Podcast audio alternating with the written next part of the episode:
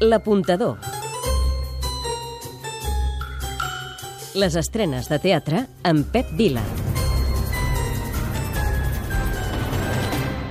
Es va donar a escollir entre llibertat i seguretat. I nosaltres vam escollir seguretat al quadrat. Pareu atenció, s'està acabant el món, sí, sí. Això almenys és el que estan dient els components de la Minimal. La humanitat està en vies d'extinció. Aquesta companyia que ja ha despertat el nostre interès amb espectacles com El suïcidi de l'elefant hipotecat o La supervivència de les lluernes aconsegueix estrenar a la FI a Barcelona, en concret a l'escenari brossa, Apocalipsi Unloaded, al final d'una trilogia. L'aposta de l'apuntador. Tres motius per veure-la. Fins que m'arriba el dia. El primer, perquè uneix teatre, música, sobretot Bowie, que heu pogut sentir de fons i si la veieu sabreu el per què, i també nous llenguatges. I perquè parla d'un final de cicle de món, però també fa un viatge cap al futur, cap a un tornar a començar. el segon, Perquè la Minimal, aquesta companyia, desenvolupa un llenguatge artístic especial en tots els seus espectacles. Barregen moltes coses, però tenen identitat pròpia, reconeixes la seva autoria. De vegades pots entrar més i de vegades menys, però mai et deixen indiferent. el tercer, Perquè seria una llàstima deixar escapar aquesta peça com tantes altres de joves companyies que de vegades per allau d'estrenes o per desconeixement de la companyia ens poden passar desapercebuts. Soc la Victòria Pagès. Jo sóc la Paula Blanco. I l'apuntador... És qui us ho recomana.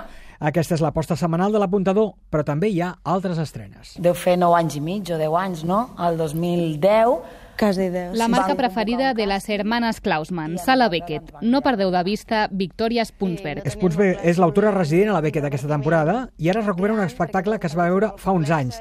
La història de dues adolescents, filles d'exiliats polítics de la dictadura argentina que als anys 90 i al sud de Catalunya representen la història dels seus pares dins del petit menjador de casa seva interpretada per Diana Torné i Maria Rodríguez, que fa poc ha estat una de les grans protagonistes del Festival de Cinema de Màlaga amb la pel·lícula Els dies que vindran.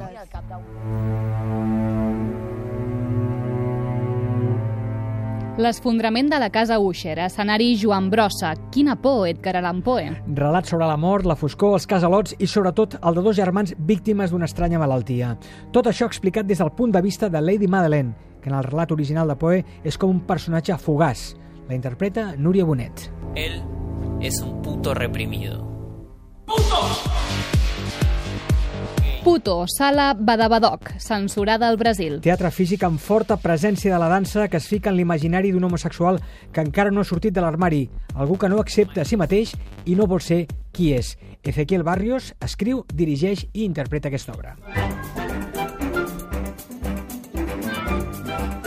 les recomanacions.